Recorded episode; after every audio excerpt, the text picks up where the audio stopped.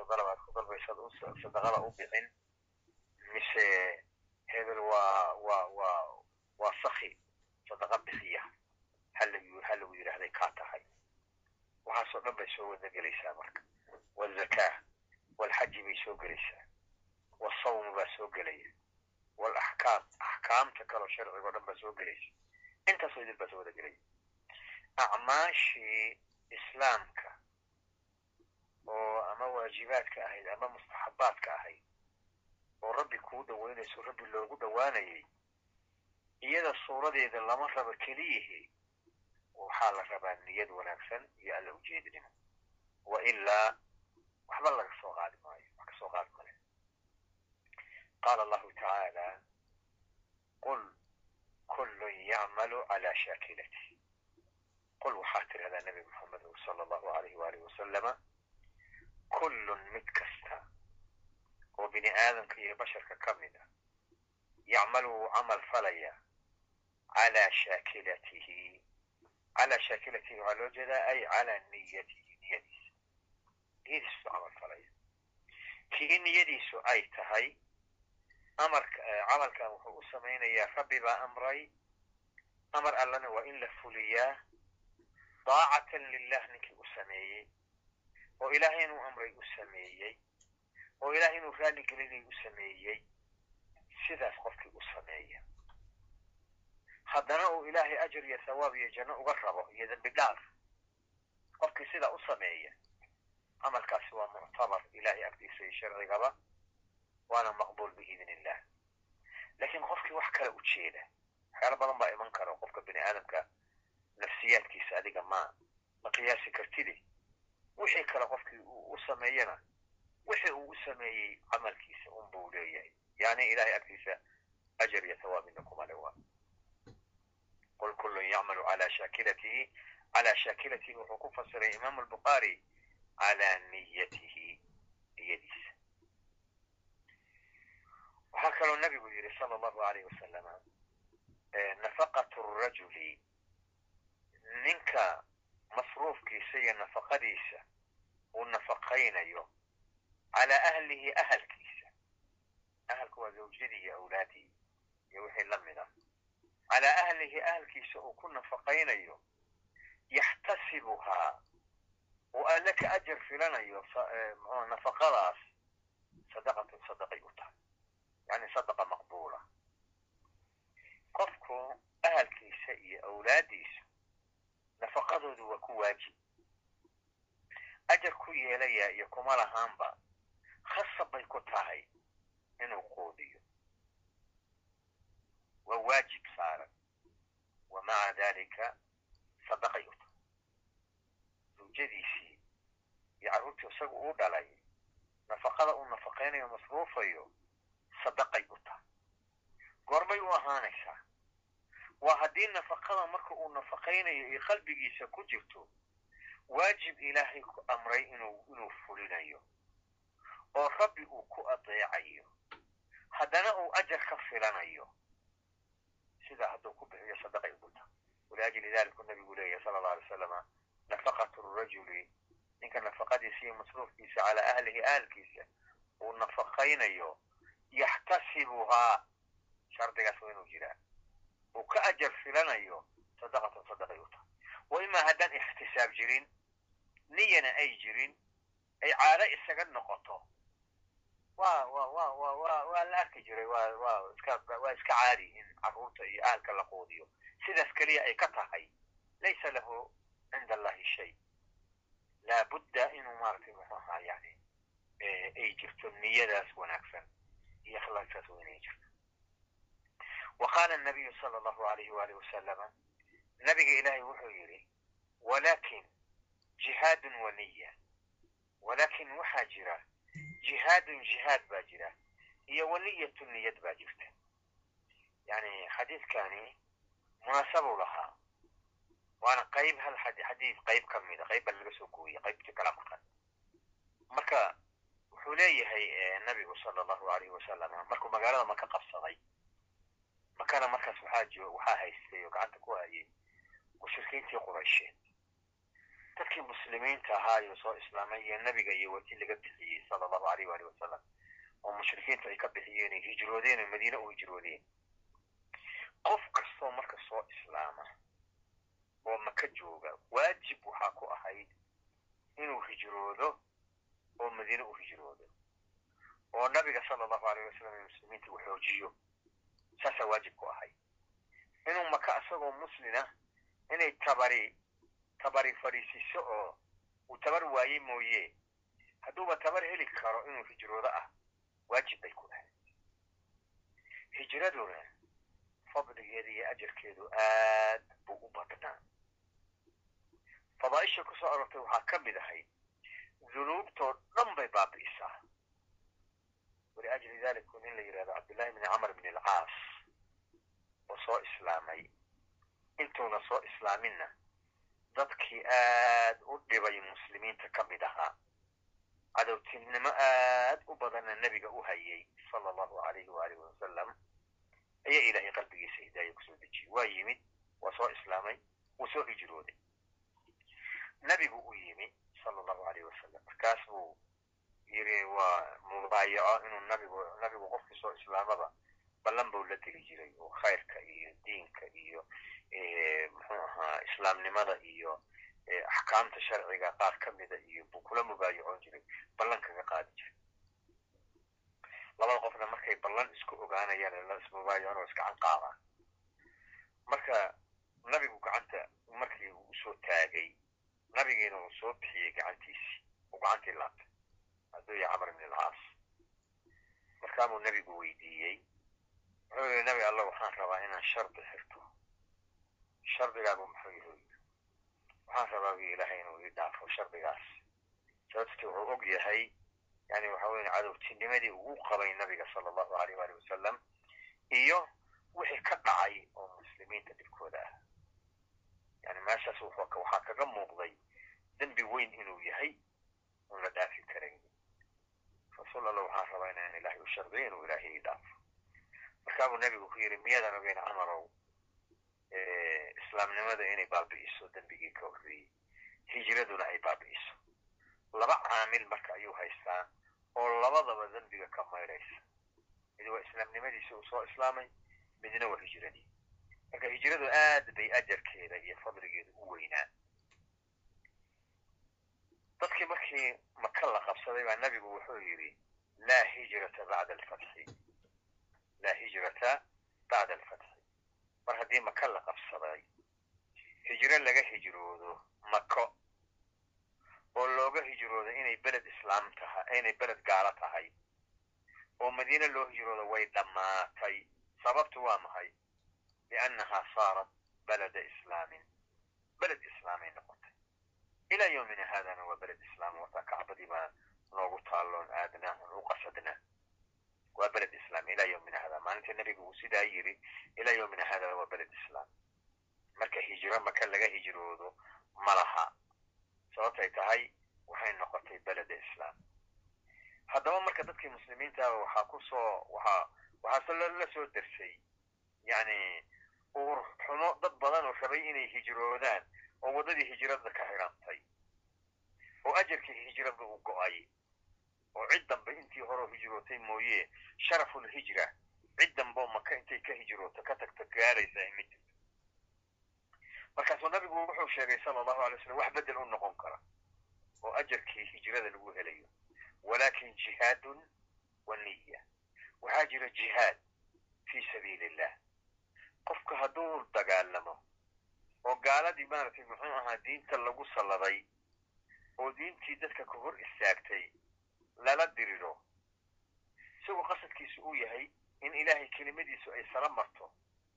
Sidaana maaragtay niyadaas ay ku jirto kaasi ajarkii hijrada wuu helaya waa helaya waxaa kaloo jira waniya iyo niyad. Haddii uu niyeysto haddaan meeshaan aan joogo maanta ay hijra ka furnaan lahayd oo meel kaloo u hijrooda aan garanayo waa ka hijroon lahaa waa ka hijroon lahaa niyadaas marka uu ka run sheegay isagoon hijro iyo midna gelinin hijro isagoo galay ka ajarkeeda buu leeyahy waxaad garanaysaa marka acmaashoo dhan sawaabkeeda iyo ictibaarkeedu niyadu ku xiray. Niyada kowka ah. Walakin jihaadun wa niya cumaru ana rasuula allahi sala allahu alayh wasalam wa cumar bn alkhadaab cumar bn alkhadaab radia allahu tacaala canhu ana rasuula allahi sala allahu alayhi waalihi wasalama rasuulka ilaahi qaala wuxuu yidhi alacmaalu binniya inama alacmaaluna waataan soo marnay marka riwaayo kala duduwan bay ku timid macnihiina waa isku meeshii alacmaalu acmaashu binniya niyadan bay ahaatay yani ay ictibaaruhaa ictibaarkeeda sharcan camal loo ictibaariyo maqbuula ilahay agtiisa wuxuu ku qotomaa binniya niyada walikulli imri'in qof kastaana wuxuu leeyahay maa nawaa wuxuu niyooday camalkiisa muxuu ula jeedaa ma alla dartii buu ula jeedaa oo alla darti macnaheedu ay tahay daacatan lilah ilaahay buu adeecay oo muxuu ku adeecay amarkii ilaahay amruu ku adeecay amarkii alle amray inuu alle ku adeecayo oo amarka ilaahay uu fulinayo inuu ilaahay raalli ka yahay uu u fulinayo asagana rabbi uga raalli yahay camalkaa saalixa saa qofkii u sameeyay haddana ilaahay ajar kaga raba kaa saa hadduu ula jeedo u niyooday ajar iyo sawaabaa ilahay agti u yaalla. Hadduu wax kale u niyoodana dee wixii kale u niyoodo ama ha helo ama hooya ilahay agtiisa waxba uma yaallaan wa walikulli imri'in qof kastaa wuxuu leeyahi un camal min alacmaali sameeya maa nawa wuxuu niyoodo camalkiisa u niyooday. Markaasuu nabigu tusaale soo qaatay. Famanka hijiradii buu soo qaatay. Hijiradii madiina laga tegay maka laga tegay madiina la aaday waa dhul aad u dheer oo masaafo la soconayo masaafo la soconayo oo dhul aan waddooyin fiican lahayn jeexooyinka buuraha taqriiban adigu yani shan boqol oo kilomitr taqriiban wax u dhow dhow. Marka dadkii waa la waa la wada socday. Ninna marka waxa weyan qasadkiisu waa ila allah ilaahay buu u jeedaa wujhadiisu waa halka. Ninna wax kaluu u jeedaa oo adduunye ah.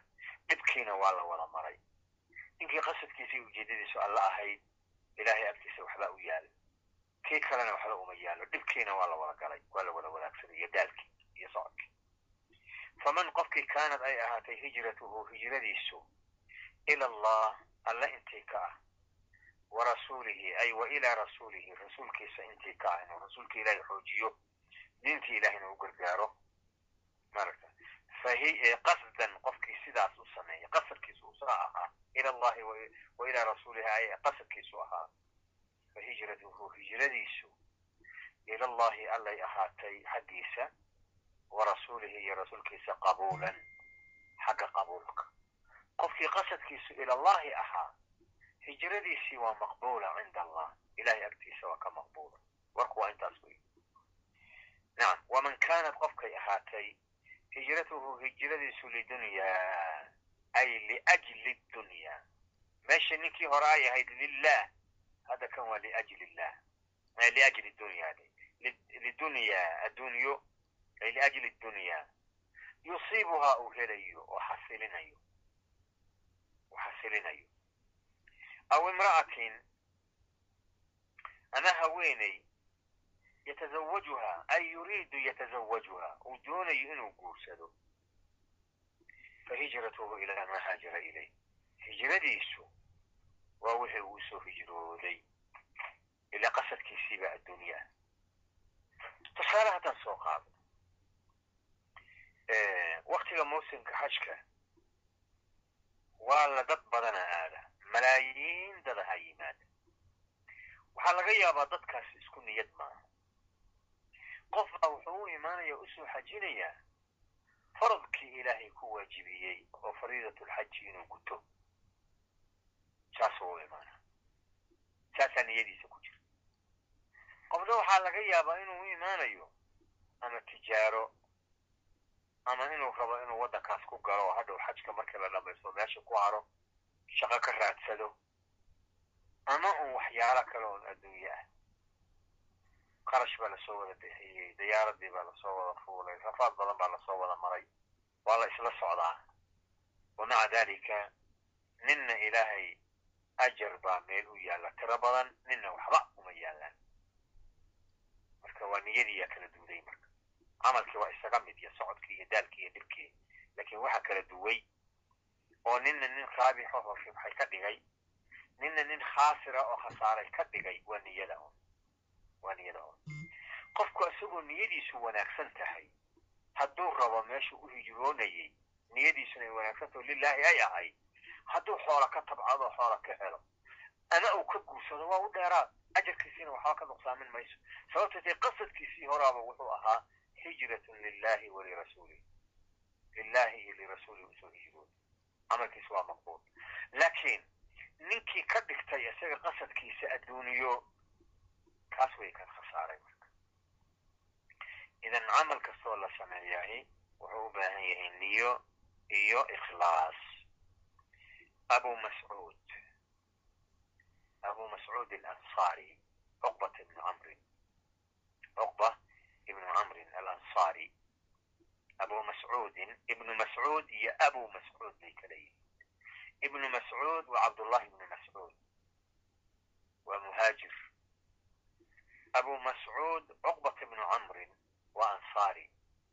Marka waa abu mascuud waa hadani xadiiskan warinay abu mascuudin can nabiyi sala allahu alay wasalam qaal ida anfaqa arajulu cala ahlihi yaxtasibuhaa fahuwa lahu sadaqa idaa anfaqa haddii uu nafaqeeyo alrajulu ninku uu nafaqeeyo calaa ahlihi ahalkiisa uu nafaqeeyo waa masruufkii yowmiga ahaaye yaxtasibuhaa isagoo ka ajar filanaya nafaqadaas oo ilaahay ajar kaga raba fa huwa lahu sadaqa sadaqa uu yahay masruufkii aad ahalkaaga iyo awlaadaada aad siinaysay oo aan marnaba kaa dhicin oo waajibka kugu ahaa haddii ay niyadaadu wanaagsan tahay ood waajibkii ilaahay inaad fulisay ilaa allana ajar uga rabtid ay sida niyadaadu ku jirto ajar badanaad ku leeda oo ilaahay sadaqu kaaga dhigaya. Isla xadiidkii kollowtana soo hormaray oo laakiin aanan una markaa mucallaqa la yidhahda marka hore mucallaq buu ahaa.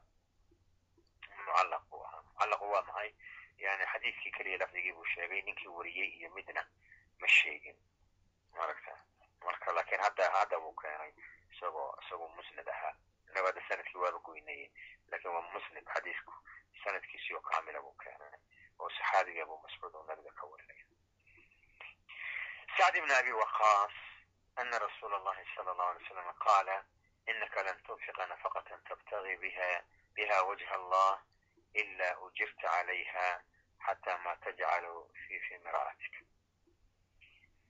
sacd ibn abi waqaas buu nabigu wuxuu ku yidhi inaka adiga sacdow lan tunfiqa ma nafaqaysid nafaqo nafaqatan nafaqo nafaqadaasoo ahalkaagii iyo awlaadaadii iyo iyo cid kalaba aad siinaysid ahalkaagii awlaadaadii aqribadaadii martidaadii wax uun nafaqaa ma nafaqaysid nafaqadaasoo tabtagii aad ku dalbaysid biha iyada wajha allah ilahay wejigiisa. Camal kasta oo addoonka mu'minka ah uu samaynayo waajib waxa ku ah haddii uu doonayo camalkaas nafcigiisa inuu helo uu soo gaaro inuu camalka u sameeyo ibtigaaa wajhi illah wejigii ilahay dalabu aad ku dalbaysid.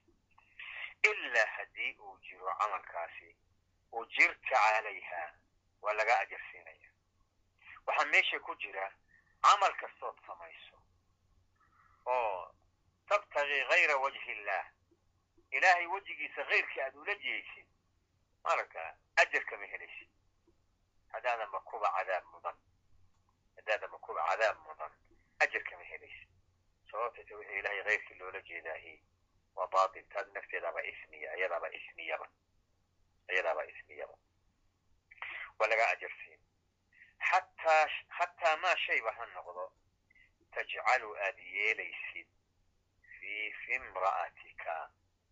Zawjadaada afkeeda waxaad yeelaysidba ha noqotee laba tafsiirba culummadu way ku fasireen. Nafaqada zawjadaada aada nafaqaynaysid kaannaka tajcaluha fi fiiha. Waaba adigoo afkeeda gee afka u gelinaya afka ka siinaya adigu sida ilmaha yarka afka wax loogu gelgeliyo kale. Taasoo kale waa lagu fasiray. Waxaa kaloo lagu fasiray adiga iyo zawjadaadii oo wada fadhiya oo sufradii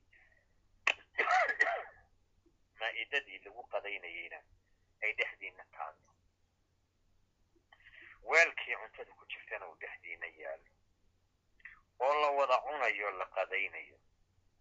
Inaad qaadada intaad ugu qaadid amaad gacantaada ugu qaadid laqmo waaxida aad afka u gelisid. Yani ma aha waxba ma qabto. Alxamdulilah gacmaheedu waa u fiican yihiin waa u nabad qabaan. Hadduu qofku jiran yahay waxba cunin karin oo saa loo jeeniniyo loo jeenininayo waa shani kale. Lakin hadda waxaa laga hadlayaa fi xaalati sixa oo fi xaalati likhtiyaar oo la fadhiyo baad intaad soo qaaday baad laqmada adigu gacantaada afkeeda u gelisay intaasi waa wax aada u weyn intaa hadduu xataa sameeyo laqmada oo zawjadiisa afkeeda sidaa u gelinayo oo ilaahay wejigiisa uu ula jeedo ajar baa laga siin macno kaloo dheeraadana way leedahay runtii aad iyo aad bay macno cajiibla u leedahay dadkuna ayna wada dareemayn. Dadkuna ayna wada dareemayn. Yacni quluubta siday u beddesho oo kalgacayl iyo maxaba ay ugu abuurto iyo kalsooni iyo ridaa bayna azawjayn labada zawj dhexdooda ah ee weliba xusni lmucaashara ah waa wax aadan qiyaasi karin runtii. Marka waa arrin aad moodid raggu fara badan inay ka qarsoon tahay. Oo ninkii reerkiisa xoogaa oon bal oon dhib iyo is-afgaran waa iyo garab xagagi iyo calool ku qaada iyo waxa weeyaan maaragtay calool fayoobi ayaynan jirinow bal mar oon hal mar jarin bal waxa aad aragtid isbedele oo wanaaga oo meesha ka dhasheen macnahaasina waa ku jiraa runtii oo macna latiifa jiddan aad iyo aad u latiifa laakiin hadda qasadkaa kalena waxa weeyaan laqmadaas aad afka u gelinayso oo zawjadaadii aad ku cayaarsiinayso oo kale yani wax weyn maaha. Waxa ilaahay dartiida wejigiisana aad ula jeedid ajar baad ka heli. Laakiin haddaad uun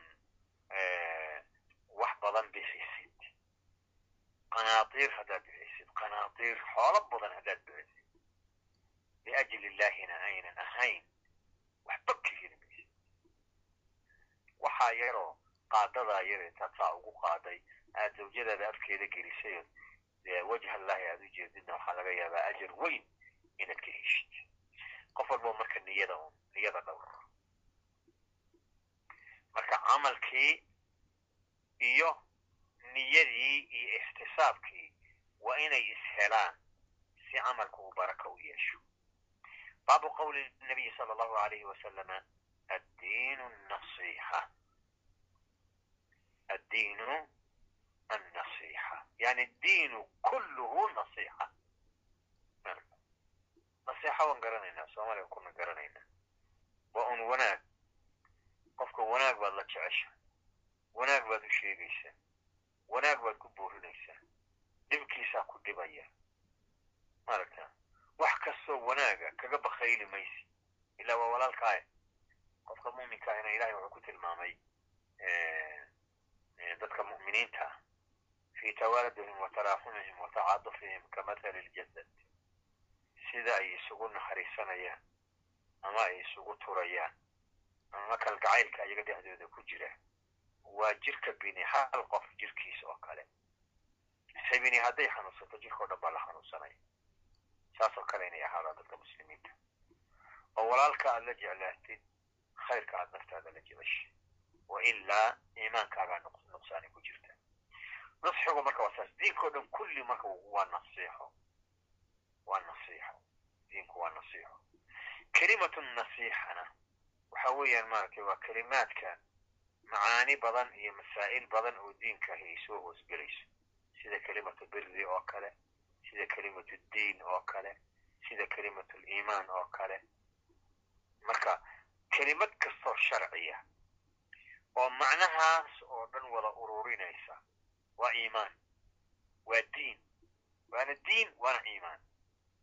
Camal kastoo ilaahay diinkiisa mashruuc ku ahoo marquub ku ihi marka iimaanku ka mid yahay. Saa darteed uu leeyahay addiinu nasiixa. Diinku waa nasiixo marka kelimatu nasiixa iyo kelimatu diin maadaama la isaga khabray mubtada iyo khabar isku yidhi addiinu waa mubtada annasiixatuna waa khabar maadaama marka la isaga la isaga khabray kaannamaa labada kelimaba inay midba midda kale ku jin tahay xagga macna addiinu huwa aliimaan waliimaanu huwa addiin wاlnasiixatu hiya diin wاddiinu hiya nasiixa wahakada lilaahi buuna u yahay walirasuulihi buu u yahay walia'imati lmuslimiina buu u yahay wa caamatihim caamadooda buna u yahay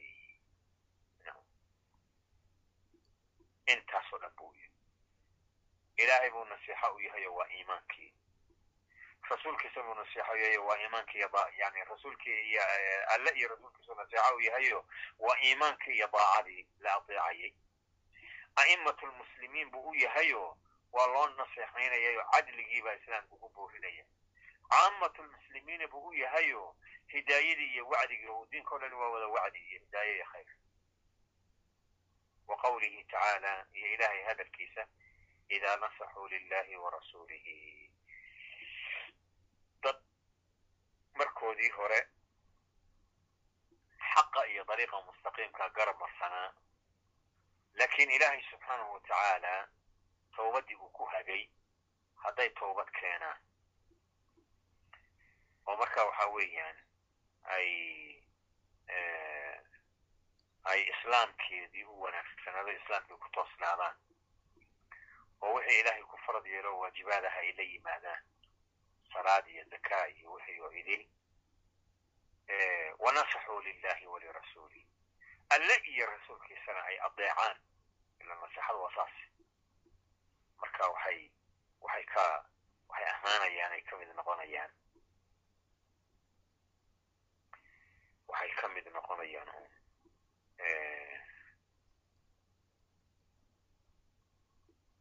nacam waxay ka mid noqonayaan dadkii dadka ilaahay raaliga ka yahay oo mu'miniinta muslimiinta. Muslimiinta waxaa lagu leeyahay iyagana lagu leeyahay waxay leeyihiin oo xuquuq ay mudan yihiinna waa mudanayaan aayaddu marka macnahaasay ka hadlaysaa idaa nasaxuu lilahi wa jariir ibni cabdillah wa jariir ibni cabdillahi albajali jariir ibni cabdillah albajali qaala wuxuu yidhi baayactu rasuula allahi sala allahu alayhi wasalama rasuulkii ilaahay baan la mubaayacooday baycaan la galay iyo ballan muxuu kula galay calaa iqaami asalaa salaada inaan oogaan kula ballantamay wa iitaa'i azakaa zakada inaan siiyo dadka mustaxiqiinta baan ballan kula galay iyo wanusxi likulli muslimin. Qof kastoo muslima inaanu nasiixeeyo ballantaasaa nabiga kula galay. Waliajli dalika ayaa sida ibnu xibbaan uu saxiixiisa ku wariyey ballantaasuu nabiga la galay oo annusxi likulli muslim isagoo fulinaya ayaa wuxuu ahaa hadduu qof uu beec la galo hadduu qof beec la galo beecu laba dhinacba waa ka yimaadaa qofka badeecada leh iyo qofka lacagta wastee badeecada u baahan marka hadduu qof un beec la galo wuxuu u oran jiray markay beeca kala gataan. Ayuu wuxuu dhihi jiray warniyo waxaad ogaataa waxaan anigu kaa qaatay oo adiga xaggaaga ka yimid ayaan ka jeclahay wixii aan ku siiyey. Bal warkaa u fiirsaya waxaan adiga kaa qaaday oo xaggayga soo maray ama lacag ha noqdeen ama badeeca ha noqdeen ilaa labadaba waa dhici kartaa. Wax aniga xaggayga soo maroon adiga kaa qaaday. Ayaan ka jecelahay wixii anigu aan ku siiyey. Macnaha muxuu rabaa? Inuu qofka qalbiga u dejiyo uu yidhaahdo waxaa adiga xaggaaga ka yimid aniga xaggayga soo maray baa ka qiimo badan. Waxaad adigu iga qaadatay qofka mu'minkaana waxa qiimaha lahaa loo dooraa. Maadaama ninkaani uu isagu wax ka gaday isagoo soo jeeda xaajana uu qabo ayaa wuxuu rabaa inuu dareensiiyo. Wixii qiimaha lahay baan kaa qaatay wixii qiimaha darnaana waan ku siiyey. Wa fii nafsi alwaqti haddii aad rabtid oo shaygaas qiimaha leh oo aan kaa qaaday weli damac kaaga jiro waa kuu celin karaa haddaba. Nasiixa ula jeedaa waa labadii qof oo wax kala gadatay ogowya faras buu ka gatay ama xoolow ka gatay ama badeeco kalew ka gatay. Ilaahay way ahaata badeecadaasi waxa wax ugu liitaa qofka uu wax ka gadanayo wuxuu rabaa wixiisa inuu qiimeeyo wax qiimo weyn ka dhigo oo yidhaahdo haddii ay naftaadu la socoto oo duruufi kugu kalifaysana waa kuu celina. Saasuu dhihi jira nusxan lilmuslimiin nusxan lilmuslimiin muslimiinta nasiixa uu nasiixaynayo awgeed idan marka annusxu likulli muslimin waa diin wax kastoo diinihina waa iimaan haddii annusxu likulli muslimin ay kaa dhiman tahay oo nasiixada naqsi kaaga jiro diinkaagaa nuqsaani ku jirtaa qofkii diinkiisa nuqsaani ku jirtana iimaankiisa nuqsaani ku jira calaa xasab masaa'il addiin intaad kamishayna ayaa iimaankaaga kamaalkiisu gaaraya intii aad ka nuqsaamisood ka dhintayna ayaa iimaankaaga nuqsaantiisu gaaraysa ziyad ibnu cilaaqa ziyaad ibnu cilaaqa ninkan magaciisa la yidhahda ziyaad ibnu cilaaqa qaala wuxuu yidhi samictu jariir ibna cabdillah ziyaad ibnu cilaaqa waa taabici jariirna waa saxaabi markaas saxaabigii buu ka warinaya samictu jariir ibn cabdillah jariir ibn cabdillahi baan maqlay oo yaquulu odhanayo yowma maata almugiira ibnu shucba maalintii uu dhintay almugiira ibnu shucba almugiira ibnu shucba ayaa dhintay marka amiirna waa ahaa amiiruu ka ahaa marka jariiraa joogay. Marka maalintii almugiira ibnu shucba almugiira ibnu shucbana waa saxaabi. Markuu dhintay qaama wuu istaagay hadduu yahay jariir. Faxamid allaha wa afnaa calayh ilaahay buu mahadiyey rabbina waa ammaanay. Wahaakada qofka muslimka markuu khudbo akriyayo waa inuu ilaahay mahadiyaa allana ammaanaa nabigana ku saliyaa sala allahu alayh waali wasalam markuu ilaahay mahadiyey allana ammaanay wa qaala wuxuu yidhi calaykum dadkiibuu wacdinaa calaykum biitiqaa'i illaah waxaad laazimtaan taqwada alle taqwada alle laazima sababto ay tahay. Taqwada alle waa waxa ilaahay caradiisa iyo cadaabtiisana kaa badbaadinayo ridihii ilaahay jannadiisana ahlkaaga dhigayo oo nabiga la weydiiyey can aktari ma yudkilu nnaasa aljanna waxaa dadka janno geliya maxaa ugu badan nabigu wuxuu ku jawaabay taqwa allahi wa xusna alkhuluq alle oo laga cabsado iyo dabcigoo la wanaajiyo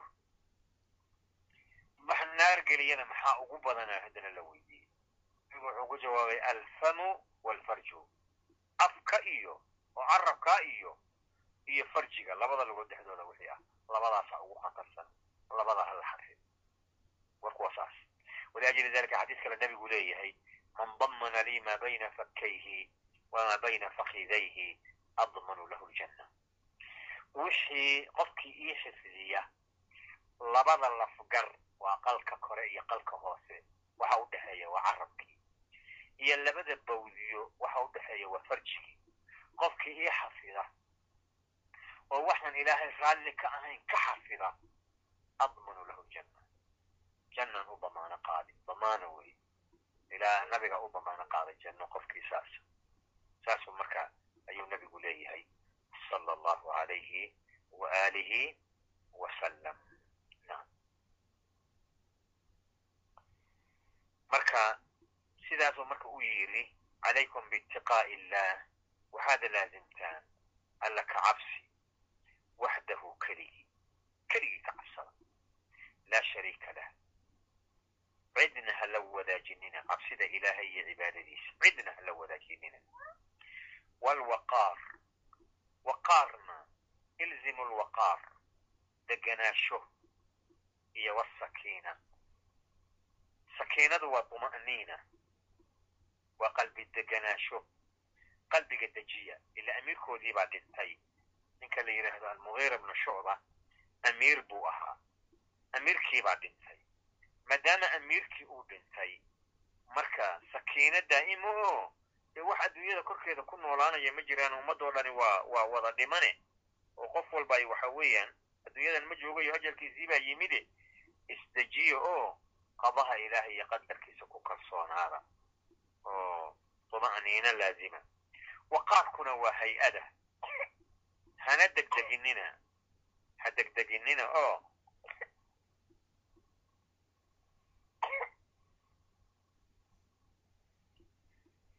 ha degdeginina oo waxa weeyaan isdejiya buuq iyo midna ha samaynina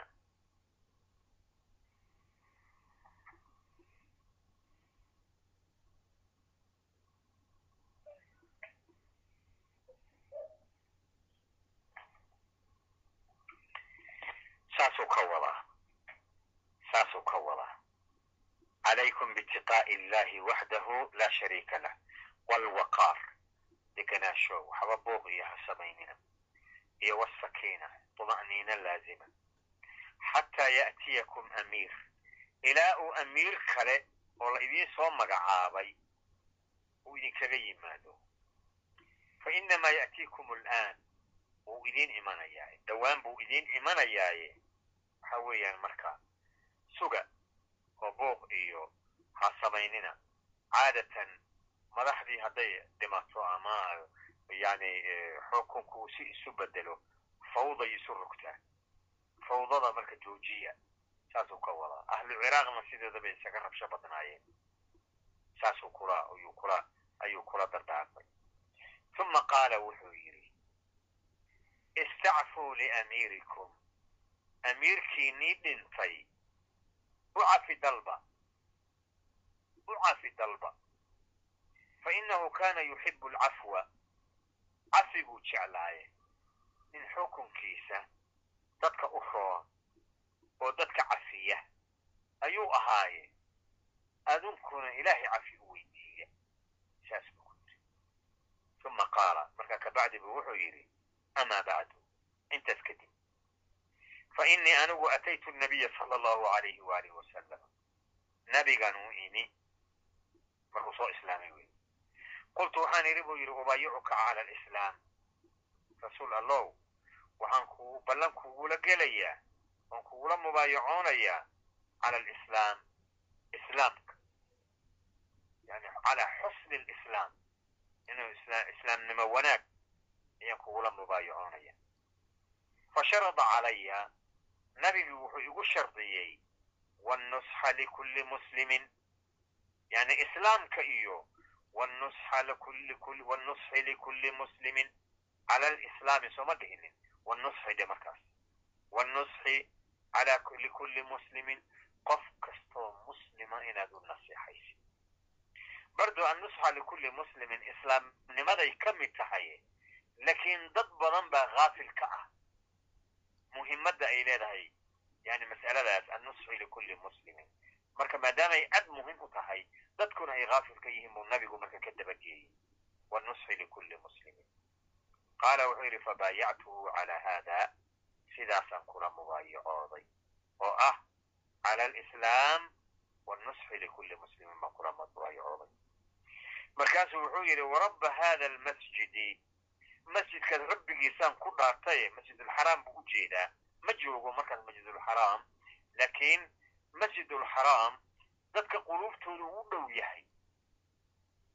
Saas darteed oo kaanahu yastaxdir amaamahu inuu hortiisa taagan yahay inuu hortiisa yaallo.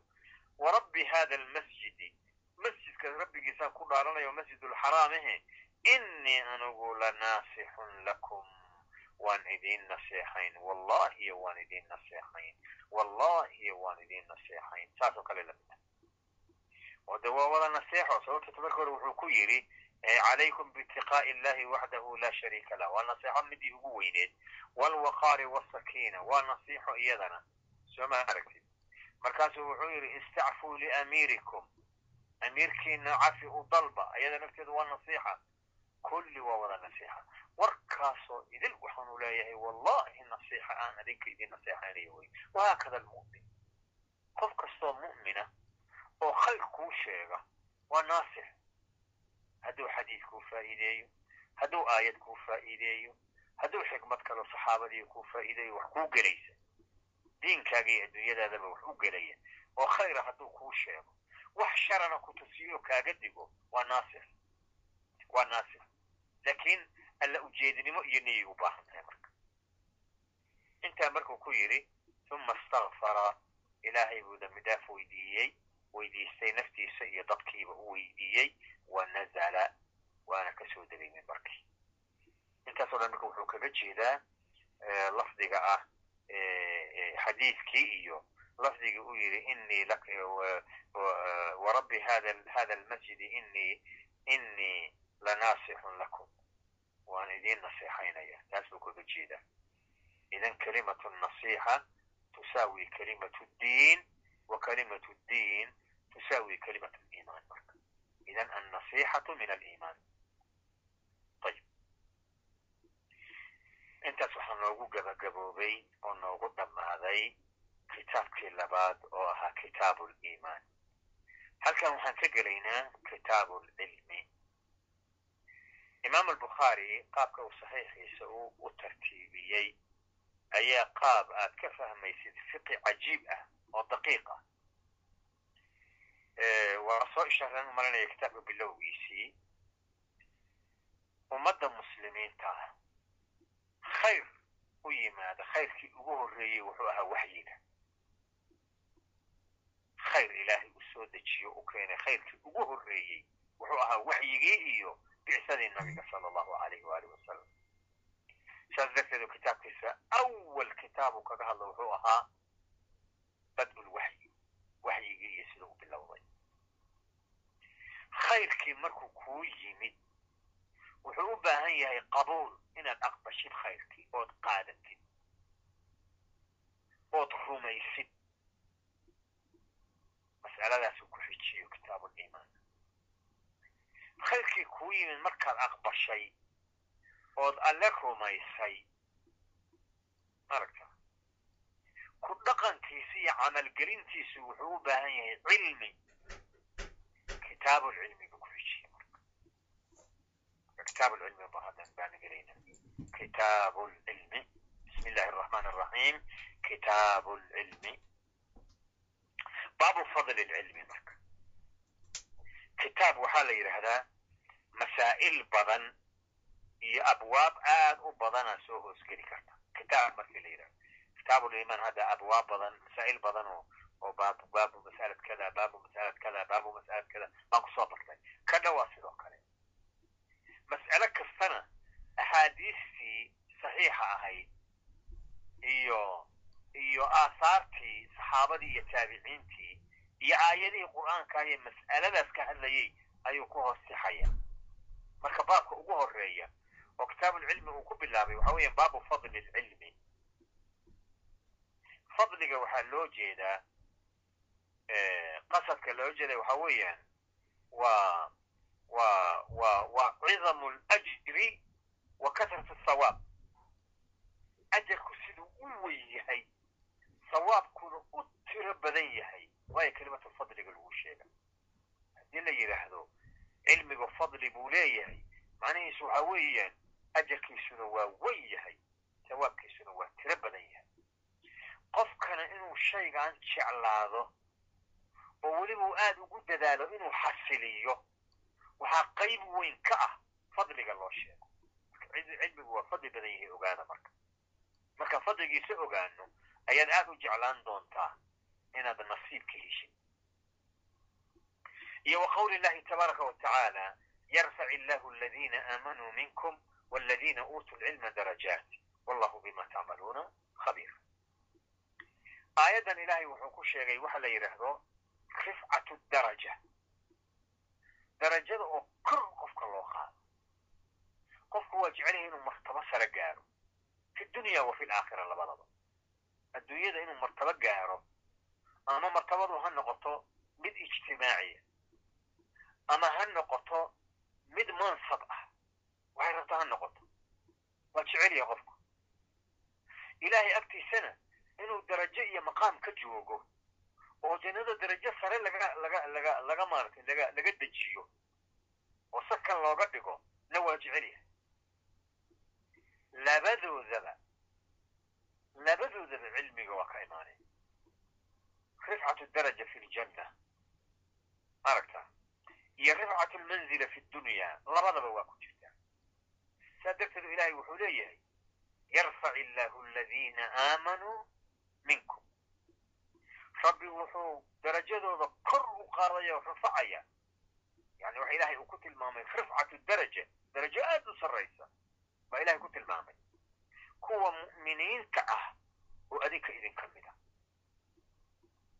markii loo eego basharka iyo bini aadamka mu'minka iyo hayru mu'minka hayru mu'min waxaa soo gelaya munaafiqii iyo gaalkii caadiga labadaba waa soo gelaya marka mu'minka iyo hayr mu'minka waxaa darajo sarreeya rabbi agtiisa. Waxaa darajo sarreeya mu'minka. Ayib mu'miniinta markii la isugu yimaado dhexdooda iimaankii way wada qabaan walilahi alxamdu laakiin way kala darajo sarreeyaan qofka caalimka oo mu'minka ahi waa ka martabo sarreeyaa mu'minka aan caalimka ahayn. Waana ka iimaan sarreeyaa waana ka martabo sarreeyaa ilahay agtiisa iyo ijtimaaciyan xataa ijtimaaciyan xataa saa darteeda marka ilahay leeyahy yarfac illahu aladiina aamanuu minkum waladiina uutuu lcilma waa laba qolo. Mu'miniintu arfacu darajatan min gayri lmu'miniin ko almu'min alcaalim arfacu darajatan min almu'mini gayri alcaalim mu'minkii caalimkaana waa ka darajo sarreeya mu'minka aan caalimka ahayn darajaat muu daraja waaxida darajaat darajaat fi ljanna iyo ilahay agtiisaba wa xataa fi dunya waa noo iman doontaa insha allahu tacaala axaadiis ka hadlaya wallahu allana bima tacmaluuna khabiir. Waxaad camal falaysana aad buu alle khabiir ugu yahay. Yani cilmi daqiiq ah buu ilaahay og yahay. Waxaan camal falayno oo dhan iyo waxaan ula jeedno rabbi waa ogyaho waa ku cilmi leeyahay. Iyo wa qawli llahi caza wajalla waqul rabbi zidnii cilmaa waqul waxaad tidhahdaa nebi muxammedow rabbi rabbigeeyow zidnii ii ziyaadi cilman ilaahu cilmi ii ziyaadi ilaahu cilmi noo ziyaadi annaguna sidoo kale aanu leenahay rabbi zidnaa cilma ilaahu cilmi noo ziyaadi culummadu waxay yidhahdaan wax ilaahay subxaanahu wa tacaala uu nabiga iyo addoomihiisa mu'miniinta uu amray inay ziyaado ka dalbaan cilmigaa ka jira cilmigaa ka jira muxuu ku tusinayaa lifadlihi aniga waxaan jeclaan lahayn in maaragtay adduunyada naloo ziyaadiyo. Laakiin waxaa qiimaha rabbi agtiisa ka lihi waa cilmiga iyo camalka iyo iimaanka. Sababta tae cilmigu alla kacabsigu ku ziyaadinaya inamaa yaksha allaha min cibaadihi alculamaa. Alla waxaa ka baqa oo addoomihiisa ka mida culummada marka wax kaloo ka fadli badan cilmi hadday jiraan rabbi waxaana ziyaado ilaahay weydiisa baa la odhan lahaa laakiin cilmigii baa lagu joojiyey waqul rabbi zidnii cilmaa waa lifadlihi waay baabu man su'ila cilman wa mushtagilun fi xadiisihi faatama alxadiisa uma ajaaba asaa'ila meeshaan mas'alo mararka qaarkood timaada ayaa marka maxaa laga yeelayaa waa la isweydiin karaa masaladaas oo kale ayuu rabaa inuu noo daaweeyo masalan nin sheikahoo caalima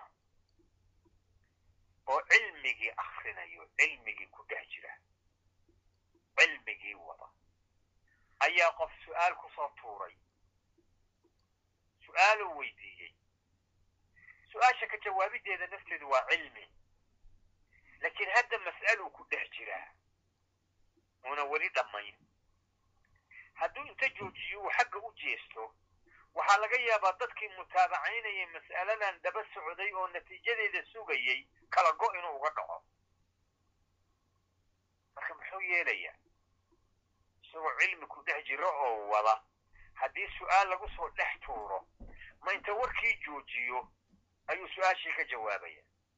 Mise intuu sugo oo warkiisii iyo cilmiga hore dhammeeyo ayuu markaa kabacdi jawaabtii u soo jeesanaya.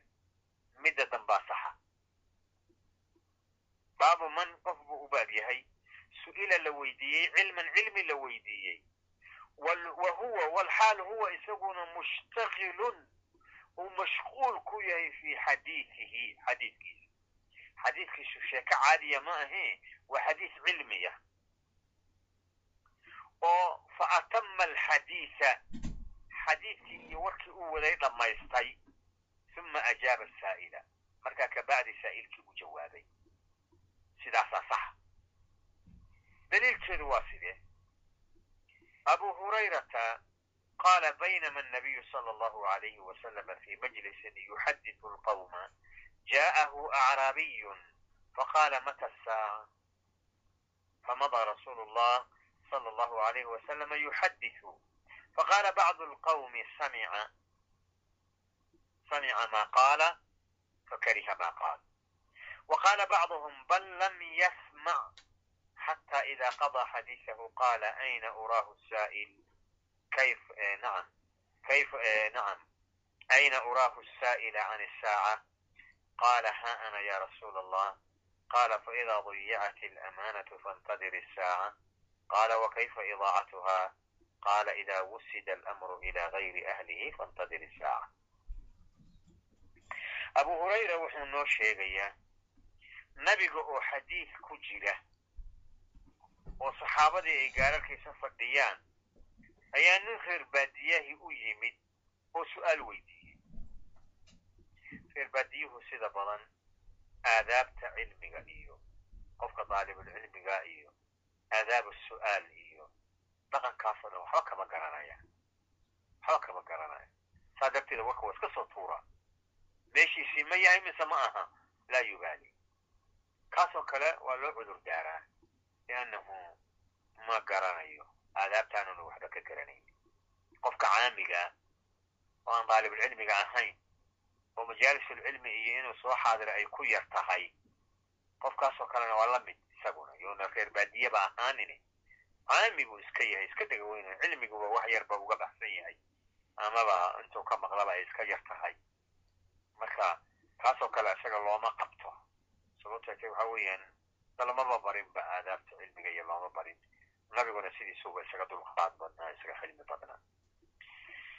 Marka wuxuu leeyahay baynamaa wakti annabiyu nabigu sala allahu alayh wasalama fi majlisin majlis uu joogo ay majlisa cilmin majlisu cilmin saxaabadii baa la fadhisa nabigu cilmi buu wadaa yuxadisu lqawm qawmka la joogo saxaabadii uu nabigu u xadiisoonayo xadiiska nabiga dhan kulligii waa cilmi jaa'ahu waxaa u yimid nabiga acraabiyun acraabi baa u yimid waa dadka baadiyaha ku nool reer baadiyaha kuwa dhana wey faqaala wuxuu yidhi reer baadiyihii nabigiiyo hadalkii waduu su'aasha soo tuuray weliba su'aal gariib ah mata saaca saacaddu goormay dhici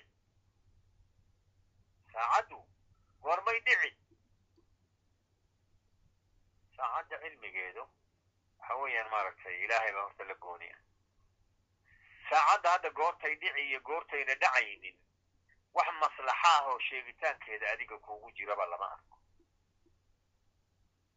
jawaabtu waxay noqonaya maxaad u diyaarsatay qofka saacadda weydiinayow maxaa kuu diyaara kaanahu yastacjil inuu degdegsanayaad moodaa qofka saacadda wax ka weydiinaya ficlan nin kaloo reer baadiyaha oo sidaa loo weydiiyey nabigu yii oo nabigu yidhi maxaad u diyaarsatay waa jira laakiin hadda xadiidkan maaha xadiid kale u aha maxaad u diyaarsatay markaasuu yidhi rasuul allahu salaad badan iyo soom badan ma aanan diyaarsan laakiin alle iyo rasuulkiisaan jeclahay intaasaan u diyaarsaday markaasuu nabigu ku yidhi sala allahu alayhi wasalama muxuu yidhi almar'u yuxibu alqawma walama yudrik. Qofku dad buu jecel yahay rasuulka ilahi buu jeeda dad buu jecel yahay iyo saxaabadii dad buu jecel yahay mana gaari karo camal kuma gaaro. Markaa buu ku yidhi sala allahu alayh waalih wasalama almar'u maca man axaba yowma alqiyaama.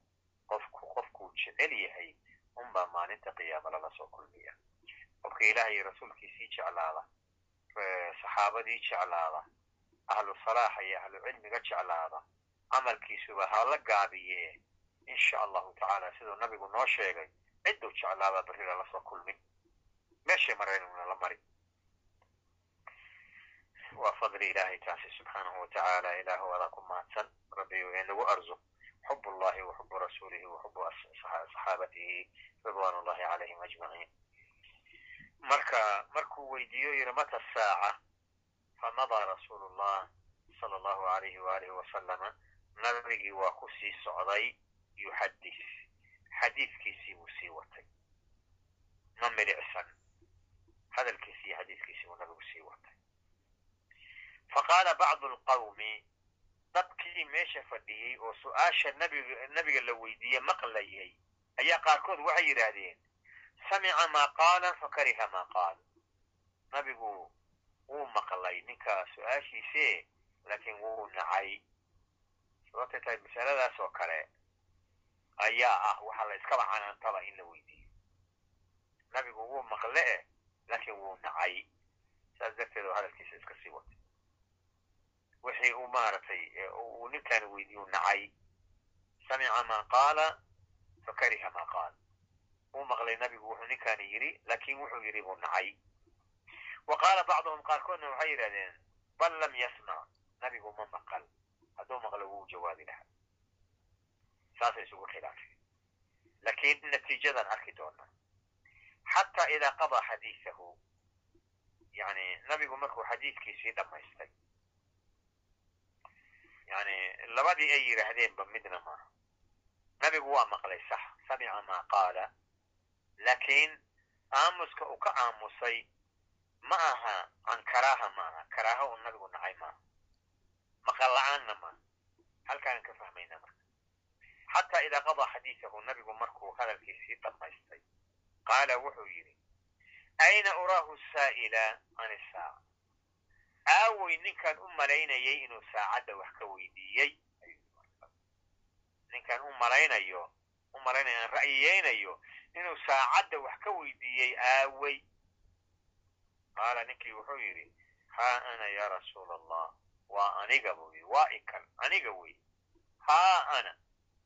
Marka isagu waa aniga ninka saacadda wax ka weydiiyey waa aniga yaa rasuula allah qaala nebigu wuxuu yidhi faidaa dayicat alamaanatu fantadir isaaca amaanada haddii la dayaco saacadda sug yani calaamad buu u sheegay waktigay dhacayso rabi mooye cid kale ma oga xadiidkii jibriilna waa kii noo soo hormaray markuu weydiiyo yidhi mata saaca qaala ma lmas-uulu canha biaclama min asaa'il walakin saukbiruka can ashraatiha waxaan kaaga warramaya calaamadaheedii laakiin anigu kaagama aqoon badani calaamadihii bay ka mid tahay faidaa dayicat alamaanatu amaanada haddii la dayaco faاntadir isaaca saacadda sug amaanadu waa tiro badan tahay diinkao dhanana wada amaano ah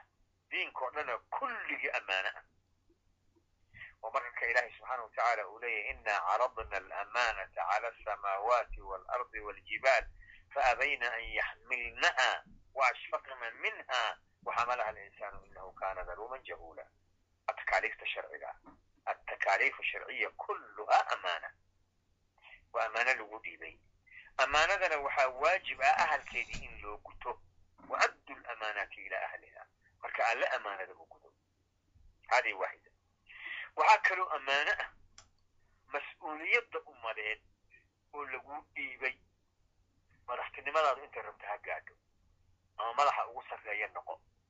Ama madaxa labaad noqo. Ama madaxa waaxaha dawladda madaxdooda noqo. Waxaad rabtid noqo. Ammaanadaasaa ku xigta. Waxaa kaloo ku xiga ammaanada wixii ilaahay taxta tasarufika uu yeelay ahalkaagii iyo awlaadaadii iyo wixii la mida ammaanay kugu yihiin. Diintoodaa kugu ammaana oo noloshoodaa kugu ammaana oo xifdigoodaa kugu ammaana oo naar iyo cadaab inaad ka ilaalisaa kugu ammaana kulligood waa kugu ammaana. Waliajli dalika nabigu leeya kullukum raacin wa kullukum mas'uulun can raciyati marka dhammaantiin waxbaa la idin raaciyey qof walbaana wixii la raaciyey waxbaa laga weydiinaya haddii waxa dadku kuu dhiibtay oo ama maaragtay xoola ah ama maaragtay muxuu ahaa ra'yi iyo xog aad ka og tahay ah oo lagugu ammaanaysay waa ammaano ilaali. Ha ka faafin. Sirta dadka lagama faafiyo haddaad sir ka og tahay sirta lagama faafiyo waa loo xafida waa loo ilaaliya wahaakada wahaakada laakiin hadda nebigu wuxuu u jeedaa ammaanada mas'uuliyadda ummaddu u jeedaa sala allahu alayh waalih wasalam wuu fasiri doonaa faidaa dayicat alamaanatu ammaanada haddii la dayaco faintadir isaaca saacadda markaasu qaala wuxuu yidhi ninkii reer baadiyaha ahaa kayfa idaacatuhaa oo see ammaano loo dayacaa dad waxay ahaayeen fidradoodu ay nadiif tahay oo ammaano la dayacaahe agtooda ay ceeb weyn ka tahay kayfa idaacatuhaa see loo dayacaa markaasuu nebigu yidhi idaa wusida alamru haddii amarka loo tiiriyo oo amarka mas'uuliyadda ummadeede ilaa gayri ahlihi midaan ahal u ahayn oon kuf u ahayn oo khaa'ina haddii loo tiiriyo faintadir isaaca marka saacadda sugo waxyaalaha marka gariibka hoo la yaabka ah dadka hadda dadka muslimiinta gaalo kama hadlaayo. Shucuubta muslimiinta dadka madaxda u ah wax aad ku aamini karto baba yarba. Ummad dhanayna markaa iyo mas'uuliyadoodii hayaan nabiguna wuxuu ku tilmaamay mas'uuliyadda ummadeed inaha alamaana wasatakunu nadaama. Waa ammaano weyn. Waxayna ahaan doontaa shallayto iyo nadaamo. Qaanuunka islaamka u yaalana qof rabo isagu banaanka isu soo dhigayoo doonaya loomaba dhiibaba sababtata qof ammaano culayskeed yaqaan ammaano culayskeed qof yaqaanaay uma degdego kumana ordo markay mudatana ilaahay buu uga baqa oo waa ka soo baxa nin baan maalin wacdinaya dadka dad buu wacdinaya mas'aladaanuna ka hadlay hadalkiisii ma ilaawin dadka ilahay oo dadka qaarkood baa ilahay xikmad gooniya siiya markii loo kaco baabu nikaax oo gabadha la rabo in la mehriyo loo guuriyo. Mas'uuliyaadka waa la kala leeyahay. Gabadha mas'uuliyaddeedu waxa weeyaan inay guurka raalli ku tahay. Haddayna raalli ku ahayn lama khasbo. Khasabku ma jiro. Inay gabadhu guurka raalli ku tahay. Laakiin u guurinteeda mas'uuliyaddaas waxaa le weligeeda aabaheed walaalkeed awowgeed walaalkeed yani waa waa waa tartiib bay leeyihiin. Weligeeda ayaa leh. Weligaa guurinaya gabadhu isma guuriso laakiin weligaa u guuriya. Marka weliga waxaa loo shardiyaa inuu yahay caadil. Hadduunan caadil ahayn wilaayo ma lahaan karo waa laga qaadayaa wilaayada waa inuu caadil yahay qof caadil ah oo diintiisa caadil ku ah oo faradka ilaahay tukada oo muxaramaadka ka dheeraada mid taariku salaada oo faasiqa oo wax xun oo dhan wax u xalaalaya wax ka xaaraanaba aan jirin. Kaasoo kale wilaayo ma leh. Gabadhiisa isagoo raalli ka ahayna hortiisa lagu mehrina sababtata wilaayo ma leh. Marka ninkii wadaadkaa wuxuu yidhi oo culammadu waxay yidhahdeen laa wilaayata lifaasiq qof faasiqa wilaayo male ninkii shiikhaa wuxuu yidhi war nin gabadh yaruu dhalay. Gabadh yaruu dhalay. Ninka wilaayadeeda loo aamini waayey ummad dhan wilaayadeed yaa u aaminay oo u dhiibay. Halkaasaan maraynaa marka. Marka waxa weeyaan waa waxa weeyaan waa waa amaanadii oo la dayacay. Acdamu alamaana oo la dayacay oo dayacan oo cid lagu aaminaaba dadkii yaana lagaba yaababa inaynan inaanba lagaba helinba haddii laga helana aan la rabin waa wax jira w marka xadiidkan marka waxaad unu idaafaysaa calaamaatu qurbi qiyaami saaca calaamadaha qiyaamadii inay dowlaka ku tusinaya bay ka mid tahay lakiin hadda xadiidka imaam albukhaari wuxuu u soo deliishaday yani nabigiiyo hadal iyo xadiid ku jira oo su'aal la weydiiyey uu nabigu uunan milicsanin uunan ka jawaabin ilaa uu xadiidkiisii dhammaystay. Markaa kabacdina uu u soo laabtay jawaabteedii wahaakada qofka caalimkaana saasaa laga rabaa. Isagoo cilmi ku jira oo mas'alo sharxaya haddii su'aal lagu soo dhex tuuro laa yaltafit ilayha ma fiirinayo. Markuu xadiidkiisi iyo mas'aladiisa uu gabagabeeyo markaasuu u soo jeesanaya uu ka jawaabaya. Saasaa laga rabaa kitaabu lcilmi abwaabadiisu waayo masaa-ishiisu way tiro badan yihiin aad bayna u macaan yihiin waana noo iman doonaan insha allahu tacaala way isi soo daba joogaan marka maanta marka halkaasaan joojinaynaa insha allahu tacaala xoogaa waktigaa iska sii gabagaba ah wailahuna wsubxaanaka allahuma wabixamdika ashhadu an laa ilaha ila anta أنت أستغفرك وأتوب إليك